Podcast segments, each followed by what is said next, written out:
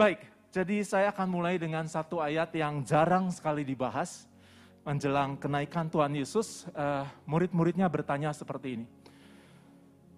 Mereka, maka bertanyalah mereka yang berkumpul di situ, Tuhan, maukah engkau pada masa ini memulihkan kerajaan bagi Israel?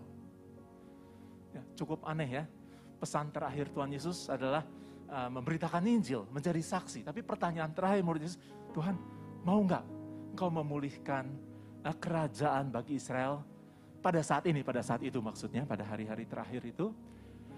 Dan apa jawaban Tuhan Yesus nanti kita lihat. Tetapi saya ingin sekali membagikan kenapa bangsa Israel punya obsesi seperti itu. Obsesi bangsa Israel adalah Yesus menjadi raja untuk membebaskan mereka dari penjajahan bangsa Roma pada waktu itu. Dan semua orang Israel punya pikiran seperti itu.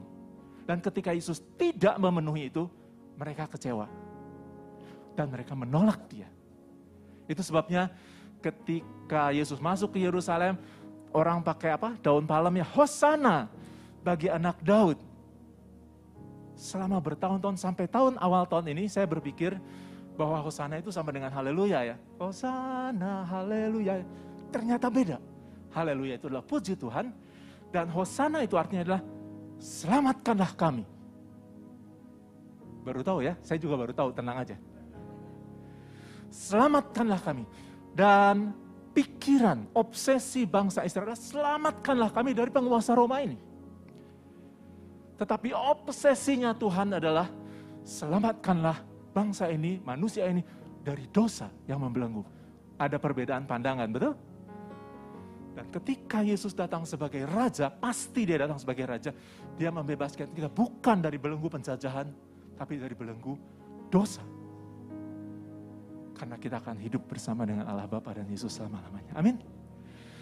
Baik, nah untuk itu saya ingin sekali berbagi tentang perjanjian lama. Biasanya susah perjanjian lama ya. Saya ingin membuatnya, mencoba membuatnya menjadi mudah atau lebih mudah, tapi tanpa mengenalkan sesuatu yang salah ya. Jadi saya berharap kalau tahun depan Bapak Ibu mulai pembacaan Alkitab, perjanjian lama khususnya dari kejadian pasal yang 12 sampai Maleakhi, lebih gampang kalau ingat gambar ini ya. Gambar ini cukup sederhana. Uh, Tuhan Yesus lahir di sini, saya tergelitik sekali untuk kasih tanda nol atau satu di situ. Masih, masih. Tapi saya putuskan tidak. Kenapa? Karena, uh, maaf, saya sudah kehabisan nafas. Lebih bebas sekarang ya. Uh, karena Yesus lahir tidak pada tahun 1 Masehi, tidak nol Masehi, tapi minus 4. Masehi, ya itu ada kesalahan perhitungan dan bukan pada bulan Desember, apalagi bukan pada tanggal 25, ya. Jadi daripada kita bermasalah di situ, saya tidak tuliskan uh, ya inilah kurang lebih kelahiran Tuhan Yesus dibagi dalam empat masa 500, 500, 500, 500. Jadi saya kasih tanda minus ya. Minus 500 artinya sebelum Masehi, minus 1000 sebelum Masehi, minus 1500, minus 2000.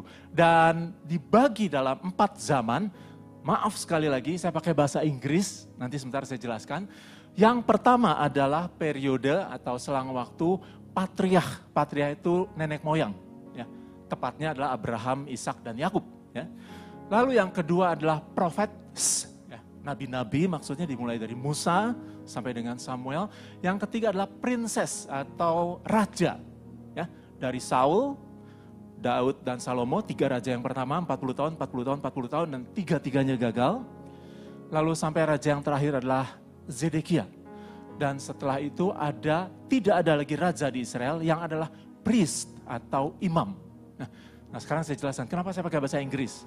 Bukan karena saya kurang nasionalis ya. Tapi begitu saya terjemahkan, P, P, P, P-nya hilang.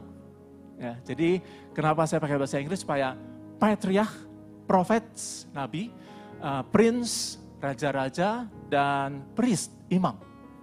Dan ketiganya itu, uh, ya empat-empatnya, baik patriarch, prophet, uh, apa, prince, semuanya gagal. Kita tahu kelemahan Abraham apa, Yakub, uh, Ishak dan Yakub apa. Tetapi Yesus datang sebagai nabi, sebagai raja, dan sebagai imam. Itu adalah kegenapan janji Allah. Baik, nah sekali lagi 500-nya ini tidak pas-pasan. Ya, oke lah plus minus 5 tahun, 4 tahun tidak jadi masalah, tapi ini akan sangat menolong kita. Nah, empat uh, pembagian itu bisa juga saya ulas dengan cara yang lain. Yang pertama adalah saya sebut election, yaitu pemilihan.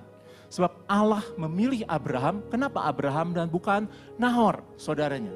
Kenapa Abraham dan bukan Lot, keponakannya? Allah memisahkan. Kalau kita baca teliti, Allah memberi satu janji yang spesifik pada Abraham adalah segera setelah Lot berpisah. Selidiki Alkitab Bapak-Bapak Ibu-Ibu ya. Sebelumnya firman Tuhan cukup umum. Tetapi segera setelah Lot pergi sangat spesifik. Naik ke uh, di tempat gunung itu uh, Tuhan katakan, lihat ujung-ujung ujung utara, selatan, timur, barat. Sejauh mata kamu bisa memandang, itu batas tanah yang akan kuberikan kepadamu. Termasuk di dalamnya tanahnya Lot. Sodom dan Gomora. Itulah janji Tuhan. Nah, periode yang kedua itu adalah Exodus, yaitu keluaran atau uh, lepas dari penjajahan tanah Mesir. Yang ketiga adalah empire, kerajaan, ya. karena uh, Israel me, uh, menguasai juga daerah-daerah sekitarnya, artinya daerah Edom, daerah Amon, Moab semua membayar upeti kepada Raja Daud dan Salomo sebelum mereka uh, berbalik daripada Tuhan, Salomo khususnya. Dan yang terakhir adalah exile. Exile itu artinya pembuangan. Dan ini adalah masa kesedihan. Saya masih bisa juga membagi dengan zamannya. ya. Jadi empat ini 500, 500, 500, sekali lagi kurang lebih. Uh, periode pertama adalah Abraham sampai dengan anak-anak Yakub. Ya. Tidak cukup tempatnya, jadi saya tulisnya Yakub plus 12. Tahu maksud 12 anak Yakub ya. Dan Alkitab kita hanya mengenal Allah Abraham, Allah Ishak, Allah Yakub. Tidak ada Allah Yusuf, tidak ada Allah Yehuda, tidak ada Allah Simeon. Allah Abraham, Ishak, dan Yakub. Setelah itu adalah Allah Israel. Karena Yakub adalah Israel setelah dia, setelah dia uh, bertemu dengan Tuhan. Nah, tetapi setelah itu maka masuk Uh, itu adalah kejadian pasal 12 sampai dengan 50 terakhir. Kejadian 1, uh, 1 sampai 11 berbicara tentang penciptaan, tentang air bah, tentang menara Babel. Dan kita tidak tahu berapa lamanya. Tetapi dari uh, kejadian pasal 12 sampai uh, akhir pasal itu kita tahu. Berikutnya adalah zaman Musa yang memimpin bangsa Israel keluar dari tanah Mesir. Dan jangan lupa, di sini ada 400 tahun yang kita tidak ketahui yaitu sejak halaman terakhir kitab kejadian, Yusuf uh, mangkat ya meninggal dan dia pesan untuk tulang-tulangnya dibawa sampai keluaran pasal yang pertama Israel menjadi budak sedikit sekali yang kita tahu terjadi dengan tentang umat Tuhan. Yang kita tahu terjadi adalah jauh sebelum Yusuf telah berfirman kepada Abraham, keturunan keturunanmu akan men, eh, akan menjadi budak di tanah di negeri orang asing 430 tahun lamanya, 400 lebih tahun lamanya. Dan kita tahu itu dalam 430. Sebab sebelum waktu itu kejahatan orang Amori belum genap. Itu adalah orang-orang Amori yang akan diusir oleh Tuhan tanah Kanaan untuk orang Israel masuk di dalamnya. Tanah perjanjian. Nah, eh, kitab keluaran memulai dengan lalu lahirlah, ah, berkuasalah seorang raja yang tidak mengenal Yusuf dan mulailah penderitaan bagi umat Tuhan.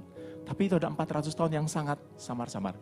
Nah, 400, uh, eh, setelah 400 tahun itu berlalu maka terjadi masa keluaran dan hakim-hakim, ya, Musa, Yosua, ada Yosua di situ, agak beda dengan Yosua yang di ruas keempat. Yosua imam besar. Lalu terakhir adalah Samuel. Segera eh, setelah Samuel selesai, Saul, Daud, Salomo, dan uh, seterusnya. Meskipun demikian, jadi Saul uh, Saul adalah raja pertama, Zedekia adalah raja terakhir. Pada saat itu Israel di seluruh suku Israel dimusnahkan, masuk ke dalam pembuangan dan setelah itu tidak ada lagi raja. Zaman Israel, pada zaman Yesus juga tidak ada lagi raja uh, dan itu sebabnya orang Israel punya obsesi. Kami pengen punya raja seperti Daud.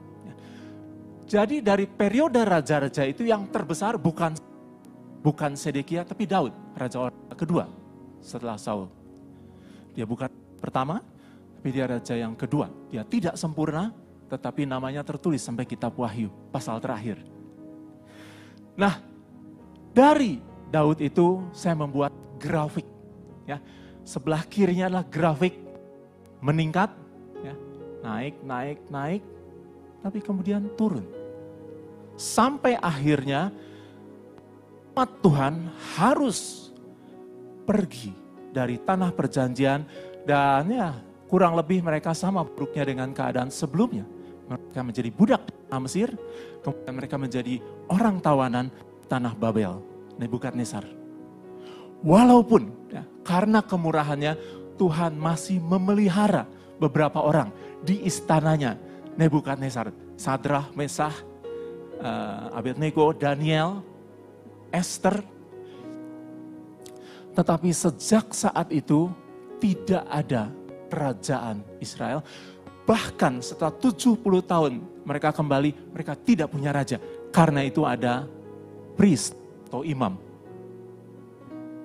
Sebab raja Persia, Koresi dan seterusnya. Tidak boleh ada raja lain. Itu sebab mereka punya imam. Nah, jadi eh, dan saya ingin mengatakan, di mana titik balik ini? Di mana titik balik? Kok tadinya nanjak, tiba-tiba mudun? Terima kasih. Nah, ini lebih merdu rasanya suara saya sekarang. Baterai itu penting ternyata ya. Oke, nah uh, saya bisa menunjuk dengan tepat di mana satu titik itu. Tadinya nancak terus mudun. Itu adalah satu petang hari di mana Daud menjamah Bathsheba, istrinya Uria. Dan saya harap kita belajar bahwa dosa yang dilakukan oleh seorang pilihan Tuhan sama seriusnya di hadapan Allah seperti dosa yang dilakukan oleh orang-orang lain. Kita tidak punya tiket untuk melakukan dosa. Kita tidak punya kartu kredit untuk melakukan dosa. Karena kamu orang percaya, silahkan buat dosa, nggak akan apa-apa kok. Hati-hati, Alkitab kita tidak berbicara seperti itu. Dosa yang dilakukan umat Tuhan sama seriusnya di hadapan Allah seperti dosa yang dilakukan orang-orang lain. Jangan bermain-main dengan dosa. Harusnya grafik itu tidak turun. Uh, sebelum saya lanjutkan, saya tidak katakan bahwa grafiknya itu lurus seperti ini ya. Ini rata-ratanya seperti itu ya. Kadang mereka naik lebih tinggi dari rata-rata, kadang lebih rendah dari rata lebih tinggi. Dan patokannya jelas, ketika mereka taat, mereka ada di atas rata-rata. Dan ketika mereka berbuat dosa kepada Tuhan, mereka ada di bawah rata-rata. Dan kalau Bapak Ibu tahun depan baca tentang Gideon, Yefta, Deborah Barak selalu seperti itu. Ketika mereka taat, Tuhan pulihkan mereka di atas rata-rata. Ketika mereka tidak taat, mereka turun di bawah rata-rata, bahkan turun banget. ya Sampai mereka panen, uh, Gideon itu apa namanya, uh, me, me, menumbuk gandum, uh, di tempat penghilangan anggur supaya sembunyi. Sebegitu rendahnya Allah merendahkan mereka. Kenapa? Karena mereka tidak taat. Dan seandainya mereka taat, maka grafik yang terjadi adalah ini. Di sinilah terjadi engkau akan naik dan tidak akan turun. Hati-hati, tapi yang bilang amin. Karena dua minggu lalu kita belajar apa? kasih Tuhan tidak bersyarat, betul? Nah, saya tidak mau memperdebatkan itu. Tapi hari ini saya mengatakan, janji Tuhan bersyarat. Kaget Bapak Ibu? Jadi yang tadi bilang amin hati-hati. Kita akan terus naik, tidak turun. Kita akan menjadi kepala dan ekor apabila engkau mendengarkan. Itu ayat 13-nya ya apabila engkau mendengarkan suara Tuhan. Ayat 14 berkata, apabila engkau tidak menyimpang ke kanan dan ke kiri. Dan ayat 15-nya berkata seperti ini, tetapi apabila engkau tidak mendengarkan, ada 31 ayat tentang kutuk. Ayat berkatnya sendiri cuma 13 loh. Kutuknya ada 31. Plus ada di bawahnya ada lagi pasal berikutnya. Jangan main-main. Allah setia Ketika saya uh, pertama kali tahun 80 belajar firman Tuhan, saya paling senang baca Samuel satu raja-raja, dua raja-raja. Kenapa? Karena saya senang sejarah. Dan itu kitab tentang sejarah. Ya. Dan saya paling berat membaca kitab imamat. Berat banget itu. Nah, dan saya sedih meratap hati saya ketika saya membaca Israel masuk ke dalam pembuangan dan bait Allah dihancurkan. Dan saya bertanya, di mana Tuhan pada saat ini? Tapi saya ingin menyatakan, Tuhan ada. Yang masalahnya adalah, di mana Israel pada saat itu? Di hadapan Tuhan. Karena mereka telah berpaling daripada Tuhan. Baik, Selanjutnya saya menunjuk dua nabi yang istimewa. Nabi kecil di Alkitab kita, yaitu Obaja dan Yoel. Nah, kita sangat senang dengan apa namanya kitab Yoel karena di sana dikatakan dan anak-anakmu laki-laki akan apa memperoleh penglihatan dan uh, orang tua mendapat mimpi ya rohku uh, aku akan mencurahkan rohku tapi ingin saya katakan Yoel adalah nabi pertama yang memprediksi kehancuran bangsa Israel. Walaupun di tengah-tengah kehancuran itu ada berkat, ada janji berkat. Dan malangnya umat Tuhan lebih senang mengklaim berkatnya daripada baca kitab Yoel. Di sana dikatakan, tiuplah sang kekal di Sion, Sion. Kita lagunya tuh enak ya. Baca ayat setelahnya. Kekelaman, gelap gulita, kehancuran. Tapi kita nyanyi yang enak-enaknya aja bertobat Bapak Ibu sekalian. Baca kitab Yoel. Dan banyak ayat-ayat kitab Yoel yang kita tidak pernah klaim. Yang salah satu yang terkenal adalah koyakanlah hatimu dan jangan pakaianmu. Berpuasalah, berbaliklah. Yoel ditulis 300 lebih tahun sebelum pembuangan. Karena itu dia menjadi nabi yang pertama mengucapkan tentang nubuat pembuangan bagi bangsa Israel. Yang namanya Jeskiel, aku akan mencurahkan roh uh, air ke atas uh, dan rohku akan kuberikan tinggal dalam kamu. Itu terjadi 200 lebih tahun setelah Yoel. Malangnya di Alkitab kita Jeskiel dulu baru Yoel ya. Tidak. Joel adalah nabi yang pertama memberitakan tentang kehancuran bagi Israel. Tetapi isinya adalah bertobatlah, berpaling, berbalik pada Tuhan. Ini serius, 300 tahun sebelumnya. Dan 150 tahun setelah itu 10 suku masuk ke dalam pembuangan. Asyur, dan 250 tahun setelah itu, Yehuda dan Benyamin masuk ke dalam pembuangan di Babel. Tetapi 300 tahun sebelumnya Allah mengingatkan. Dan Obaja adalah 10 tahun sebelum Joel. Tapi dia tidak bernubuat tentang Israel. Seluruh nubuatnya tentang Edom. Hanya ada satu kata Israel dalam kitab Obaja dan tiga perkataan Yakub dan semuanya berbicara tentang ketika Israel dipulihkan, ketika anak-anak Yakub, kata kaum Yakub dipulihkan. Dan seluruh sisanya tentang Edom. Murka Allah pada Edom. Tapi kalau kita tanya lebih jauh, kenapa Allah murka sama Edom? Karena ketika bangsa Israel masuk ke dalam pembuangan, Edom sorak-sorak, puas lu, puas lu, aku akan ikut. Dia akan mengambil bayi-bayinya dan apa meremukannya ke bukit batu. Itu yang dilakukan oleh Edom. Ya, kitab Mazmur menyatakan hal itu. Baik, jadi inilah sejarah kelam bangsa Israel. Di sini tidak ada lagi tanah Israel. Akhirnya mereka balik, tapi tetap tidak ada raja. Mereka dijajah oleh Raja Herodes dan seterusnya. Dan kita tahu, dan itu sebabnya uh, kalau Bapak Ibu teliti, setiap orang Yahudi tidak keberatan Yesus menjadi raja. Bahkan mereka mendesak Yesus menjadi raja. Tapi mereka sangat keberatan Yesus menyatakan dirinya anak Allah.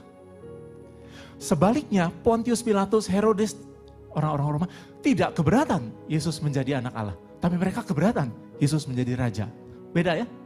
Dan itu sebabnya uh, Kayafas apa perlunya saksi? Dia sudah mengklaim dirinya anak Allah. Tapi ketika dituliskan apa namanya eh, di atas kayu salib, inilah Yesus raja orang Yahudi.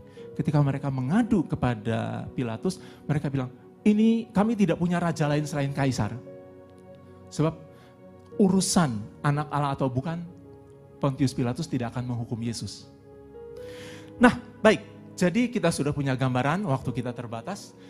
Kembali pada ayat yang tadi, ini adalah jawab Tuhan Yesus. Jawabnya engkau tidak perlu mengetahui masa dan waktu yang ditetapkan Bapa sendiri menurut kuasanya.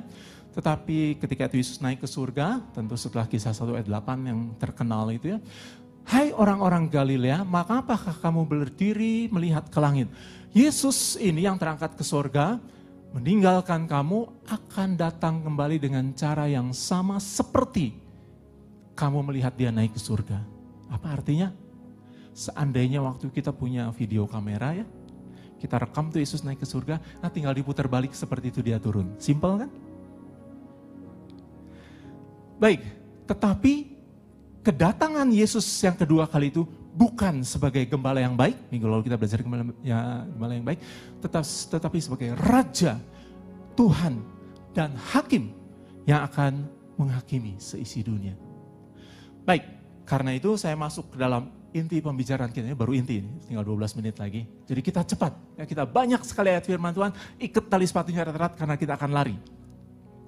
Ketika Yesus duduk di atas uh, bukit Zaitun, datanglah murid-muridnya kepadanya dan bercakap-cakap dengan dia. Kata mereka, katakanlah kepada kami, bila manakah itu akan terjadi dan apakah tanda kedatangan.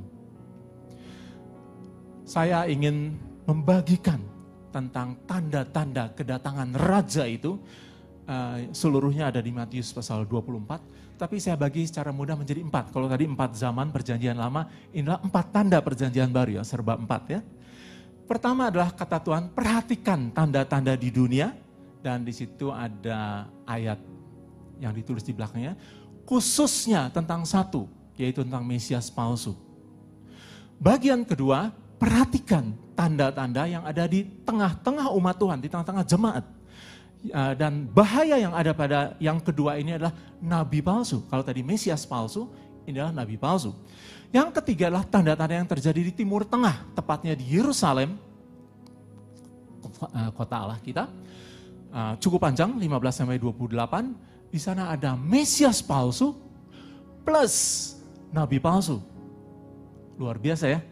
Yang tadinya Mesias saja palsu, yang sini eh, nabi saja. Yang ketiga Mesias dan palsu dan nabi palsu.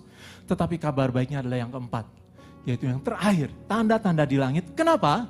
Karena Mesias asli akan datang, yaitu anak manusia yang telah menebus, yang telah disalibkan, mati dan bangkit, akan datang untuk menjadi hakim di antara orang yang hidup dan yang mati. Tetapi ada satu ayat yang mengikutinya yang penting. Kalau tadi kita lihat ayatnya 4, 8, 9, 14 sampai 32 ya. Segera setelahnya Tuhan Yesus berkata, demikian juga jika kamu melihat semuanya itu, ketahuilah bahwa waktunya sudah dekat.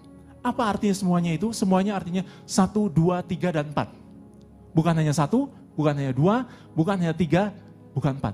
Satu, dua, tiga, empat. Kalau semuanya terjadi, itu sudah dekat, sudah diambang pintu. Karena itu, empat slide berikutnya akan membahas satu, dua, tiga, empat ini satu persatu. Ayat-ayatnya ada di sana, jadi saya akan cepat saja karena waktu kita terbatas. Pertama adalah tanda-tanda di dunia. Ayat 4 sampai ke 8. Dikatakan banyak mesias palsu yang mengklaim dirinya akulah mesias dan sekarang sudah terjadi. Banyak sebelumnya sudah terjadi, tapi hari-hari ini terjadi. Sejak tahun 91 di China ada satu gereja yang menamakan dirinya gereja Tuhan yang maha kuasa Ah, dan mereka membuat Alkitab sendiri. Dan ah, Allah menginkarnasi dirinya dalam wujud seorang wanita. Itu sebabnya tadi saya katakan Yesus akan turun ke dunia ini seperti video yang dibalik. Artinya dia pergi sebagai gembala yang baik, seorang pria, dan dia datang sebagai Raja Agung juga seorang pria. Bukan wanita, maaf ibu-ibu. Bukan juga transgender. Saya tidak memusuhi transgender. Transgender kalau engkau percaya pada Tuhan, mari Yesus akan memberi kepadamu pembebasan, kelegaan. Amin. Tetapi Yesus datang sebagai seorang anak manusia, pria. Dan dia akan memerintah sebagai raja. Jadi bahayanya adalah uh, nabi, uh, maaf, Mesias palsu. Ya, dan itu sudah terjadi. Dan cirinya adalah perang, kelaparan, dan gempa bumi. Tetapi sejak tahun Perang Dunia Kedua dan sebagainya, yang namanya perang, kelaparan, gempa bumi selalu terjadi terus-menerus. Apakah Yesus akan datang besok? Pasti tidak. Karena itu baru satu dari empat. Karena itu Tuhan eh, Yesus berkata, jika semuanya ini terjadi, semuanya artinya apa? Satu, dua, tiga, empat. Jangan mau dikurangi. Baik, tanda yang kedua terjadi di tengah-tengah jemaat Tuhan. Pertama adalah penderitaan, disiksa, dibunuh, dibenci oleh semua bangsa karena nama Tuhan Yesus. Ayat yang ke-9. Murtad saling menyerahkan, saling membenci. Itu warning dari Tuhan Yesus. Hati-hati uh, teman-teman sekalian, ini semua perkataan Yesus loh, bukan perkataan saya. Saya cuma nulisin ayat di belakangnya supaya tidak bisa dibantah begitu. Banyak nabi palsu dan tujuannya adalah menyesatkan orang-orang. Kasih menjadi dingin, ayat yang ke-12. Lalu peringatan dari Tuhan Yesus, yang selamat adalah yang bertahan sampai akhir. Selamat. Kalau tidak bertahan sampai akhir gimana? Teman-teman jawab sendiri ya, yang di rumah juga ya. Silahkan pikirkan sendiri. Tetapi ada satu ayat penghiburan dikatakan, dan Injil kerajaan itu akan diberitakan di seluruh dunia.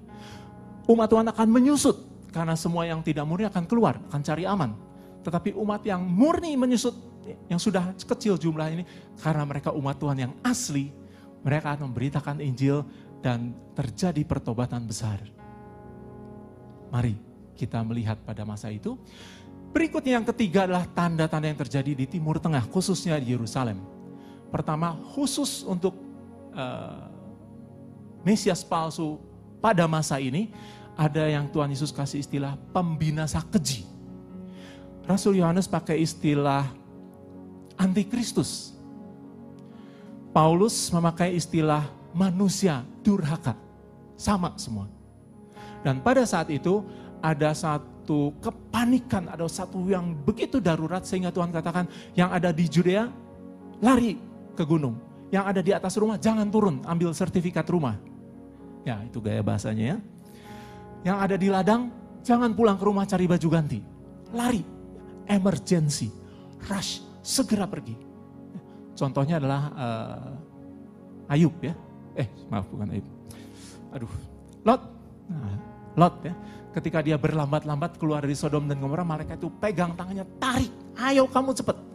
Rush, Jangan sayangkan apa yang ada, ditinggalkan di rumah sertifikat rumah saya mana begitu ya. Tinggal atau Bitcoin saya mana passwordnya begitu ya. Itu semua ditinggalkan saja begitu ya. Ada akan terjadi siksaan dahsyat dan dikatakan seandainya jangka waktunya tidak dipersingkat, tidak akan ada orang yang bertahan. Karena ke, uh, kejahatan itu, kekejaman itu rekor. Ya. Dan tetapi ayat itu memberikan satu arti. Seandainya durasinya tidak dipersingkat, karena orang-orang pilihan itu dipersingkat kata ayat 22. Apa artinya? Sederhana kalau begitu. Pada saat itu terjadi orang-orang pilihan ada di sana. Andai kata misalnya umpama orang pilihan tidak ada di sana, buat apa dipersingkat? Lawang mereka sudah tidak ada di sana.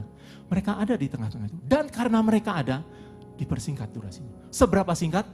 Matius tidak menyatakannya. Tetapi Wahyu menyatakannya Nah, tiga setengah tahun, 42 bulan, 1260 hari.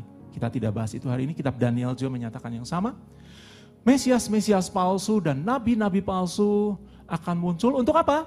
Untuk menyes, sekiranya mungkin menyesatkan orang-orang pilihan. Sekali lagi, andai kata misalnya umpama tidak ada orang-orang pilihan pada saat itu karena sudah diangkat, maka iblis ini kurang kerjaan. Ngapain dia?